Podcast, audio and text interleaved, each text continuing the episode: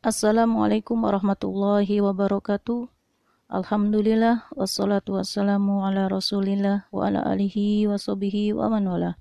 Asyhadu ilaha illallah wa asyhadu anna Muhammadan abduhu wa rasuluhu amma ba'd. Sahabat muslimah, bertemu kembali di podcast ini. Pada kali ini kita melanjutkan baca kitab yaitu kitab fikih sunnah wanita sampailah kita pada syarat sah wudu. Agar wudhu seseorang sah, maka ia harus menghadirkan niat berdasarkan sabda Nabi Shallallahu Alaihi Wasallam, Innamal a'malu bin niat. Sesungguhnya setiap amalan tergantung niatnya.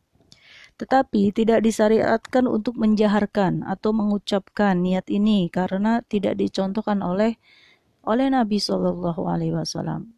Ya, jadi dia tidak menjaharkan atau tidak mengeraskan niat kita ya. Kemudian rukun wudhu bagi wanita. Nah, sahabat muslimah, rukun wudhu maksudnya yaitu perbuatan yang harus dikerjakan agar wudhu itu terlaksana dan dianggap sah oleh syariat. Jika salah satu dari rukun tersebut tidak terlaksana, maka wudhunya batal dan tidak dianggap sah. Nah, apa saja rukun wudhu? Rukun wudhunya adalah satu, mencuci seluruh wajah. Batas wajah dari bagian atas adalah ujung dahi, tempat tumbuhnya rambut, ke bawah sampai bagian bawah jenggot atau dagu. Ya. Dari samping, nah itu tadi dari depan itu ya. Sekarang kita dari samping. Dari samping adalah dari telinga sampai telinga lainnya. Nah, dari telinga sampai telinga lainnya. Al-Quran dan As-Sunnah telah menerangkan wajibnya mencuci wajah ini ketika berwudu. Ini wajib ya, termasuk rukun.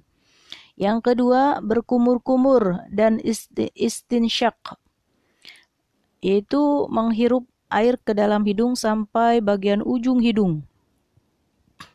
Keduanya wajib dilakukan karena mulut dan hidung termasuk bagian wajah yang harus dicuci. Selain itu Nabi Shallallahu Alaihi Wasallam senantiasa melakukannya setiap kali beliau berwudu. Nabi Shallallahu Alaihi Wasallam memerintahkan berkumur-kumur dan istinsyak ini dengan sabda Ida tawaddo ahadaku ahad ahadukum falyaj'al fi anfihi ma'an thumma liyastansir ya falyaj'al fi anfihi ma'an thumma liyastanshir. Ha? Liyastansir pakai sa ya, bukan pakai sya. Liyastansir. Jika salah seorang dari kalian berwudu, hendaklah ia menghirup air dengan hidungnya, kemudian menyemburkannya. Kemudian ditegaskan juga idza tawaddata faman famad famad mid jika engkau berwudu berkumur-kumurlah.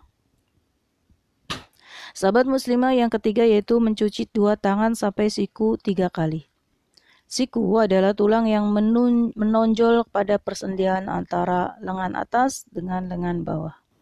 Siku wajib dicuci berdasarkan hadis Nabi Shallallahu Alaihi Wasallam dan beliau senantiasa mencuci sikunya ketika berwudu. 4 dan 5 membasuh seluruh kepala dan dua telinga termasuk bagian dalamnya.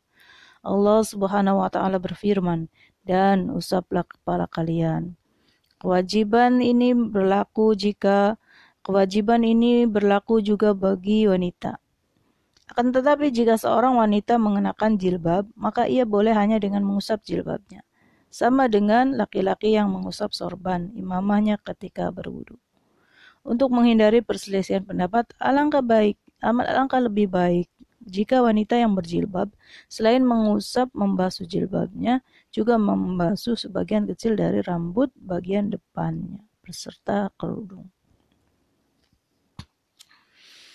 Begitu ya, sahabat ya.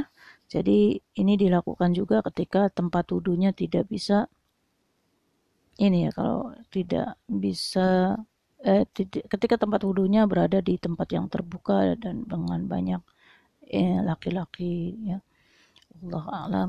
Adapun kewajiban membasuh dua telinga ketika berwudu didasarkan oleh hadis sahih yang menerangkan bahwa Nabi Shallallahu Alaihi Wasallam membasuh dua telinganya saat membasuh kepalanya bersamaan. Nabi bersabda dua telinga termasuk bagian kepala. Kesahihan hadis ini diperselisihkan, akan tetapi mayoritas ulama salaf mensahihkannya. Di antaranya Ibnu Umar radhiyallahu anhu. Yang keenam, mencuci kedua kaki sampai mata kaki. Mencuci kedua kaki ini adalah wajib berdasarkan hadis Ibnu Umar. Ia berkata, dalam satu perjalanan Rasulullah Shallallahu Alaihi Wasallam tertinggal di belakang kami. Ketika itu kami sudah mendekati waktu asar.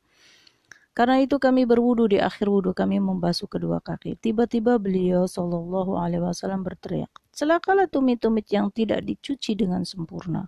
Beliau mengucapkannya dua atau tiga kali kewajiban-kewajiban wudhu yang telah kita sebutkan di atas terangkum dalam firman Allah. Hai orang-orang yang beriman, apabila kamu tidak mengerjakan solat, apabila kamu hendak mengerjakan solat, maka basuhlah mukamu dan tanganmu sampai dengan siku, dan sapulah kepalamu dan basuh kakimu sampai dengan kedua mata kaki.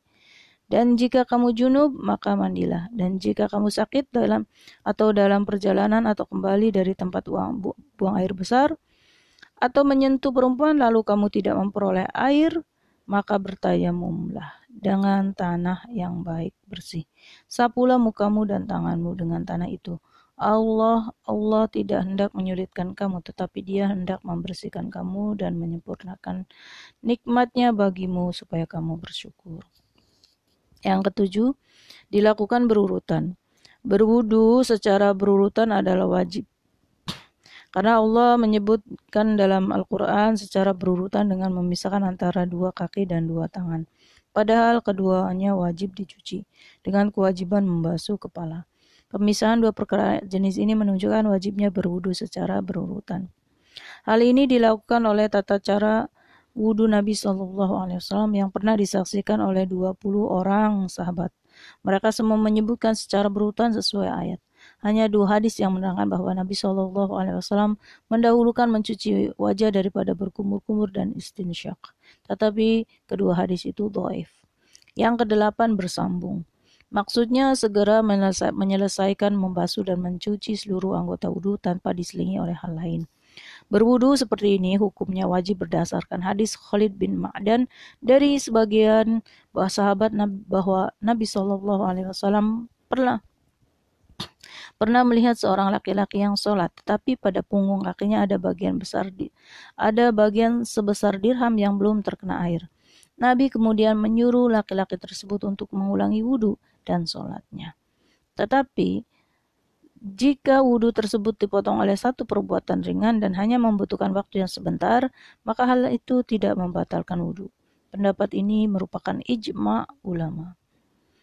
Sunnah sunnah wudhu. Ya baik sahabat uh, pada kesempatan kali ini kita hanya memba kita hanya membacakan rukun wudhu yaitu syarat sah wudhu, rukun wudhu ya. Semoga apa-apa yang kita uh, sampaikan uh, menjadi manfaat ya kita semakin mengenal lagi bagaimana wudhu yang baik sesuai dengan tuntunan Rasulullah Sallallahu Alaihi Wasallam. Ya dari saya cukup sekian. Wabillahi taufiq wal hidayah. Wassalamualaikum warahmatullahi wabarakatuh.